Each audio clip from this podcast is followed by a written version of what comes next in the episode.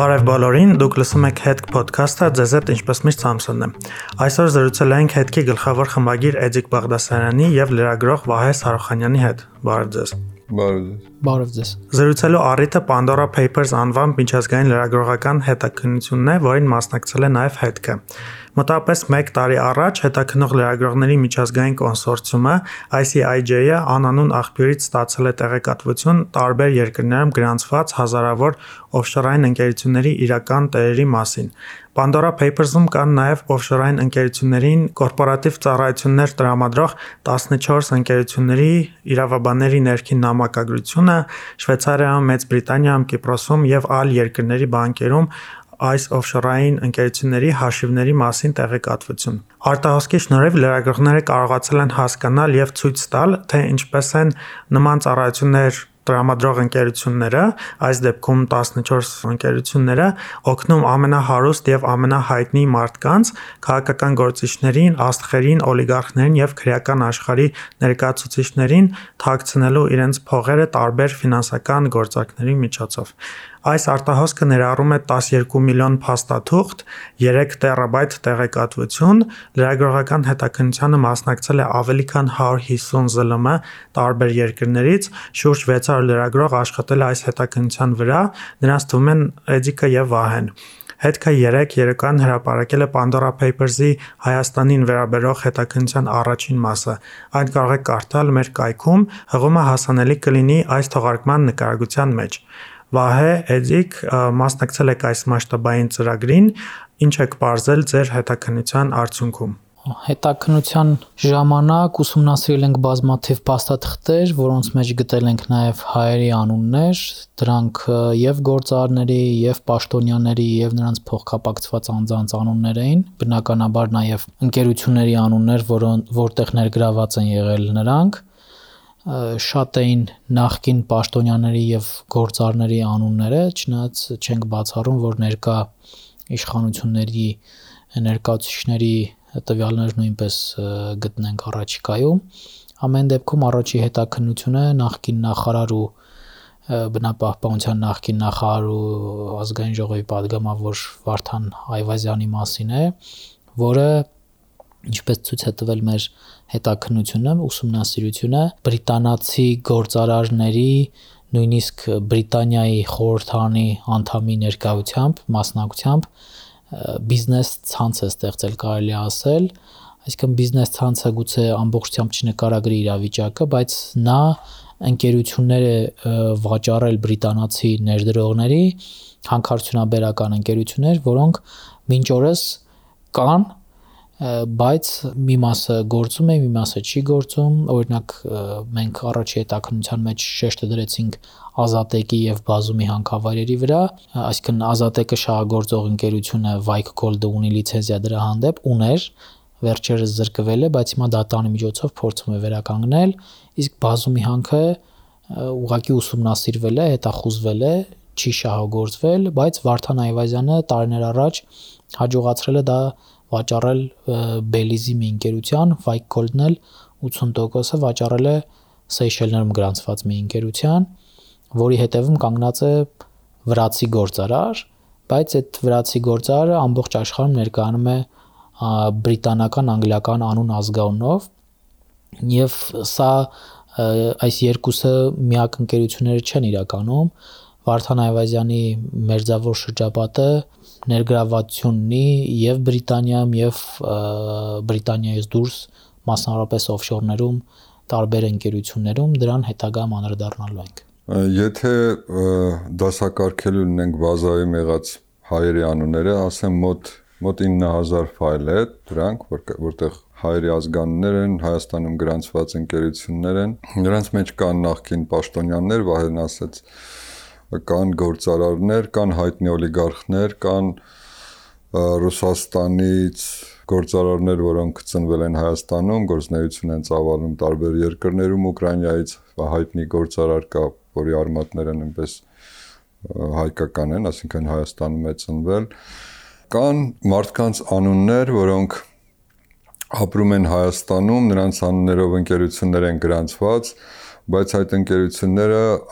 աշխատացնում են դրսում գտնվող իրենց, չգիտեմ, ազգականները կարող է լինեն, ընկերները կարող է լինեն դեռևս չենք բարձել, այդպեսի մի քանի հոգու գոնե գտել ենք։ Մանավանդ Գյումրիից էին մի երևի 6 հոգի, որոնց ընկերություններ ունեին, բայց աշխատացնողները այլ երկրից են։ Էլ ինչ ունենք, հետաքրքիր անուններ, միշտ հարցնում են ինչ անուններ են։ Համենայնդեպս հասարակությանը հայտնի անուններ կան, նախկին падգամավորներ մի քանի հոգի կան,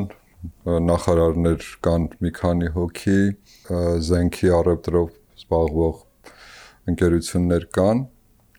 Հայաստանին առնչվող առաջիկայում երևի կհրապարակենք տեսնենք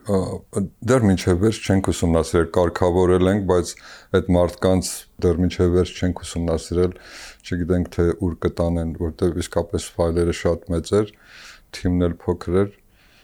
ինչքան որ կարողացել ենք այս վիճակում արել ենք։ Ես նշեցի, որ այս արտահասկը թույլ տվեց լրագրողներին հասկանալու ինչպես են այդ process-ները տեղի ունենում։ Այս առումով Հայաստանի կոնտեքստում ինչքանով է կարևոր այս հետաքննությունը, այս բացահայտումը։ Չգիտեմ, Հայաստանում դժվար է մի քիչ ասել ինչքանով է հետաքրքիր, ովքեր են հետաքրքրված այդ թեմայով ընդհանրապես հետաքննություններով կամ մեր երկրի այս վիճակում այս այն վիճակում, որ հիմա գտնվում ենք, այլ թեմաներ ինչքանով է հետաքրքիր ընթերցողներին, դժվարանում եմ ասել, բայց ես կարծում եմ այսօր ավելի շատ, չգիտեմ, սահմանի մասին, հարաբերությունների մասին, հայ-ադրբեջանական, Արցախի մասին ավելի շատ են հետաքրքրված, քան այս թեմաներով։ Պետք է ընթերցողներին երևի հարցնենք, տեսնենք ինչ են ասում, ինչ արձագանքներ կան, բայց ամենայն դեպս հայկական մամուլում չանդրադարձան մեր հետաքննությանը, ասենք Ալիևի մասին գրում են, բայց չեն ասում, որ այդ հետաքննության թիմի մեջ մենք կայինք։ Չգիտեմ, մեդիաներն են ոնց որ անտարբեր այս թեմային։ Ահա։ Չգիտեմ ինչի հետ է դա կապված։ Բայց եթե կոռուպցիայի տեսանկյունից նայենք, այսքան զուտ իրավական տեսանկյունից ընթերցողի ուշադրությունը մի կողմ դնենք, հա, ինչ է կարդում ընթերցողը, ինչով է հետաքրքրված, ուղղակի զուտ օրենքի եւ ընդհանրապես եթե կոպիտ ասեմ նորմալ երկրի, հա, տեսանկյունից նայենք, որը չունի սահմանների խնդիր, անվտանգային խնդիր եւ այլն, ինքը ընդհանրապես պիտի մեծ ռեզոնանս առաջացներ կամ առաջացնի, որովհետեւ ինքը շոշափում է մի թեմա, ընդհանուր հետաքննության մասին եմ ասում, ոչ միայն մեր, այլև ընդհանրապես Pandora Papers-ի, որտեղ հայտնված են հայերի անուններ դա պիտի ընդհանուր մեծ ռեզոնանս առաջացնի, որովհետև եթե որևէ պաշտոնյա, որևէ օլիգարխ, որը նախկինում եղել է իշխանության հանրային ռեսուրսներից օգտվել, ինքը հիմնել է օֆշորներում մի ընկերություն, ուրեմն դա ինչ որ նպատակ ունեցել է, այսինքն օֆշորները հիմնականում օֆշորային ընկերություններ հիմնվում են, որպեսի դու փողերդ հանես դուրս, այնտեղից ինչ որ գործարքներ անես եւ այդ ամեն ինչը չերևա։ Այսինքն այստեղ ինչպես հայտնի արտահայտություն կա հետաքնող լրագրողների շրջանում հետևեք թե ուր են գնում փողերը այս օֆշորային ընկերությունները մոտավորապես ցույց են տալիս, թե ուր կարող էին գնալ փողերը։ Բրիտանական Վիրջինիան կղզիներ, Սեյշելներ, որտեղից հետո արդեն տարբեր բիզնեսների մեջ են այսպես ասած սրսկվե հա ներդրվել այդ գումարները, բայց բանն է, որ մենք գումարային տրանզակցիաների, տրանսֆերտների բաները չունենք, փաստաթղթերը այս պահին, սակայն հարաբերությունները օֆշորային ընկերությունների, նախկին ու ներկա պաշտոնյաների, այդ թվում այլ երկրներից եղած պաշտոնյաների ու գործարարների խոսում է այն մասին, որ օֆշորային ընկերությունները կապող օղակ են մեր, այսինքն հայ նախկին պաշտոնյաների, մասնավորապես օլիգարխների, տարբեր, չգիտեմ, գործարարների, տարբեր անձանց եւ դրսում գործող իրենց նման օֆշորային ընկերությունների տեր հանդիսացող այդպիսի, չգիտեմ, հայտնի ասեմ թե ինչ ասեմ, այդպիսի մարդկանց համար, հա, որտեվ իրանց գործընկերներն էլ ամբողջ աշխարհի մասշտաբով որ նայում ես, էլի ճակերտավոր հերոսներ են, այսինքն մարդիկ են, որոնց անունները շոշափվել են նման գործարքներում։ ICIJ-ը մոտավորապես մի տարի առաջ ստացավ այս փաստաթղթերը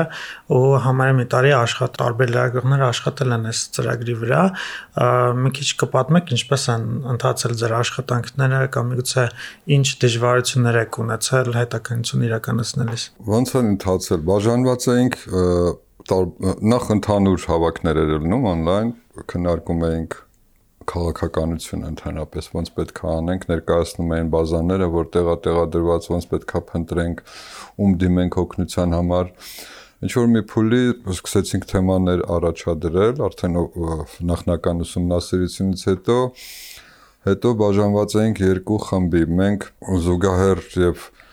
OCCRP-ի հետ էինք թիմ սարքած եւ երկու երկու շաբաթ այսինքն ամեն շաբաթ on-line քննարկումներ ունեինք ասում էինք ով ինչ արել, ուր ենք հասել, ինչ դժվարություններ կան, եթե օգնություն ա պետք, ինչ որ լրագրողա պետք այլ երկրներում, մոտորապես կոնտակտներն ենք փոխանցում, եթե թեմա ունենք, մենք գրում ենք այդ թեման, ասենք օրինակ Էստոնիայից լրագրողապետ կարթ կմասնակցես հետաքննությանը, որտեղ ընկերությունը տանում էր Էստոնիա եւ այնտեղ պետքա ինչ որ ուսումնասիրություն կատարել, այդպիսի թեմա էլ ունենք էլի նախքին հայտնի պաշտոնյաններից մեկի հետ կապված։ Եմիջայլոց, հա, ես հիշեցի, որ այդտեղ նաև ֆինանսական ինչ որ որոշակի տվյալներ կար։ քիչ առաջ վայ հետ քննարկում էինք չգիտեմ, հետո քննարկում քննարկում անդադ քննարկումների մեջ էինք, այսինքն անդադ իրար հետ կապի մեջ էինք, գիտեինք ով ինչ թեմայի վրա աշխատել, եթե Հայաստանում, ասենք այդ ընթացքում Հայաստանից ինչ-որ լրագրողներ կային դրսում, որ Հայաստանից ինչ-որ բաներ էին ուզում ճնշտել, մեզ հետ ճշտում էին։ Չգիտեմ, թիմային աշխատանք մենք քանի որ առաջին անգամ չենք ցանցային հետաքննությունների մեջ, ասենք ներթական հետաքննություններ։ Չգիտեմ, չնայած միգուցե դեռ շուտ է խոսել արդյունքների կամ հետաքննության ազդեցության մասին, բայց միգուցե ասեք թե ինչ ակնկալիքներ ունեք այս հետաքննությունից։ Նայտես իրականում երբ որ ֆինանսների մասին վային մի քիչ խոսեց, օրինակ այս ընկերություն մեր օֆշոր հայկական ընկերությունը հանքը հայկական է, ընկերությունը, որը բանը տնորինում էր շահագործման կամ ուսումնասիրման լիցենզիային Հայաստանում գրանցված է մեր ռեգիստրում բայց գործարքները օֆշորներում են կատարում այսինքն ոնց որ թափառող փողեր, թափառող տեղեր, տերեր, թափառող հանքեր, վեր հանքերը սենց բանով պատտվում են, չգիտեմ, Սինգապուր, Բրիտանիա, Բելիզ, տարբեր երկրներ, Վրաստան, Վրաստանի հետ էլ կապ կար, վրացի մի գործարարի հետ։ Իրականում, ասենք, այդ գործարքներից մեկի ժամանակ մեկ էլ տեսնում եմ այդ ընկերությունը, որը նաև սեփականատեր էր Հայաստան, ինչ որ գործարք էր հայաստանյան ընկերությունը գնել էր ինչ որ մի պահի 250 միլիոն դոլարով վաճառում է այդ հանքը, չգիտեմ, կամ ինչ որ մասնաբաժին, մեծ փողեր էր որոնք պետքա, չգիտեմ, երևի իրավապահ մարմինները եթե կարողանան, տվյալ դեպքում, եթե այդ ընկերությունները Վարդան Այվազյանի սեփականություն հանդիսացող այդ ընկերության ընկերություն ինչ-որ մասնաբաժին է վաճառել, իր հայտարարագրերում պետքա օրենքով երևա։ Այսինքն հիմա հանձնաժողովը կարող է ստուգի արդյոք այդ ընթացքում հայտարարագրել է բանը այդ փողերը, որտեղ մեծ գների մասին որտեղ զուգահեռ այդ ժամանակ, երբ որ մի գործարք եղավ Հրազդանի հանքավայրի վաճառքը մոտ 25-22 միլիոն ինչքան հիշում եմ դոլարի, ասինքն ինքը բորսայով էր վաճառվել եւ գրած էր ինչ արժեք ուներ այդ հանքավայրը վաճառք, ասինքն խոսքը տասնյակ միլիոնավոր դոլարների մասին է եւ ինչ որտեղ դրանք երևում են գոնե Վարդան Այվազյանը իր հայտարարագրում պետք է նշած էր, որ ինքը, չգիտեմ, վաճառել է իր մասնաբաժինը եւ այսքան շահութ ունի եւ ինքը հայտարարագրել է Անելիք կա, իհարկե պետք է ուղակի գնան հետևից։ Ահա։ Իսկ Վարդան Այվազյանի հետ կապ հաստատել եք ինքը ինչ ասաց այս հետաքննության վերաբերյալ։ ICIJ-ը ուրեմն հարցեր է ուղարկել երեք գլխավոր հերոսներին մեր հետաքննություն, այսինքն մեր մենք ICIJ-ի միջոցով ենք ուղարկել Վարդան Այվազյանին,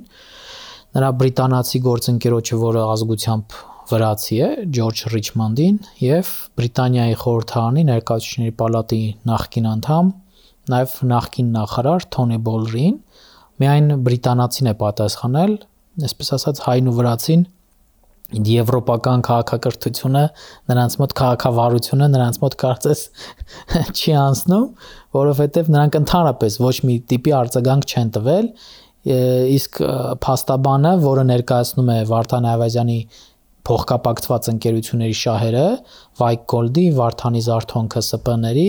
ուրեմն այս փաստաբանն ասել է, որ Վարդան Այվազյանը իր հաճախորդը չէ,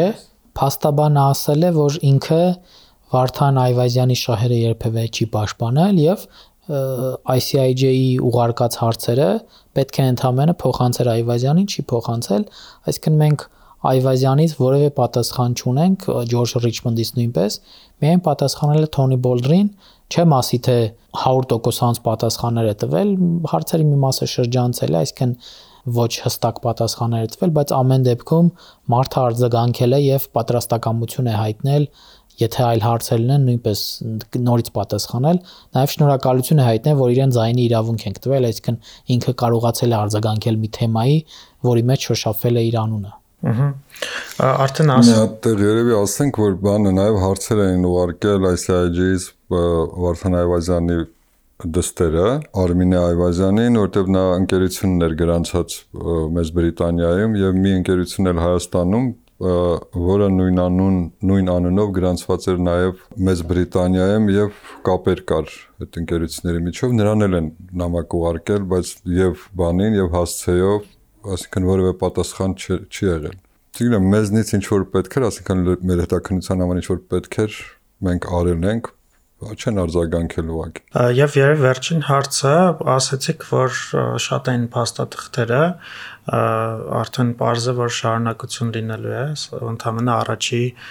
հետաքննություններ, կարող եք նշել ովքեր են հետաքննությունների հերոսները։ Չէ, չնշենք, որովհետև այս փուլում չենք ուզում նշենք, նախ աշխատում ենք, երկրորդն էլ չենք ուզում տենց տարբեր տեղերից մեր վրա դուրս կանել, տենց արդեն փորձեր եղել են ավելի լավ է չասենք թե հաջորդը ինչ ա եղել, ինչ ենք ինչ ենք հրապարակելու, բայց աշխատում ենք։ Վահե Ձիկ, շնորհակալություն հարցազրույցի համար։ Գտեք հետ podcast-ը եւ բաժանորդագրվեք մեզ podcast-ներ լսելու բոլոր հարթակներում, Android համակարգով Google Podcast եւ iOS համակարգով Apple Podcast հարթակներում։ Միացեք նաեւ մեր Facebook-յան խմբին հայատար կամ լատինատար փնտրելով Head Podcast։ Շնորհակալություն, մինչ նոր թողարկում։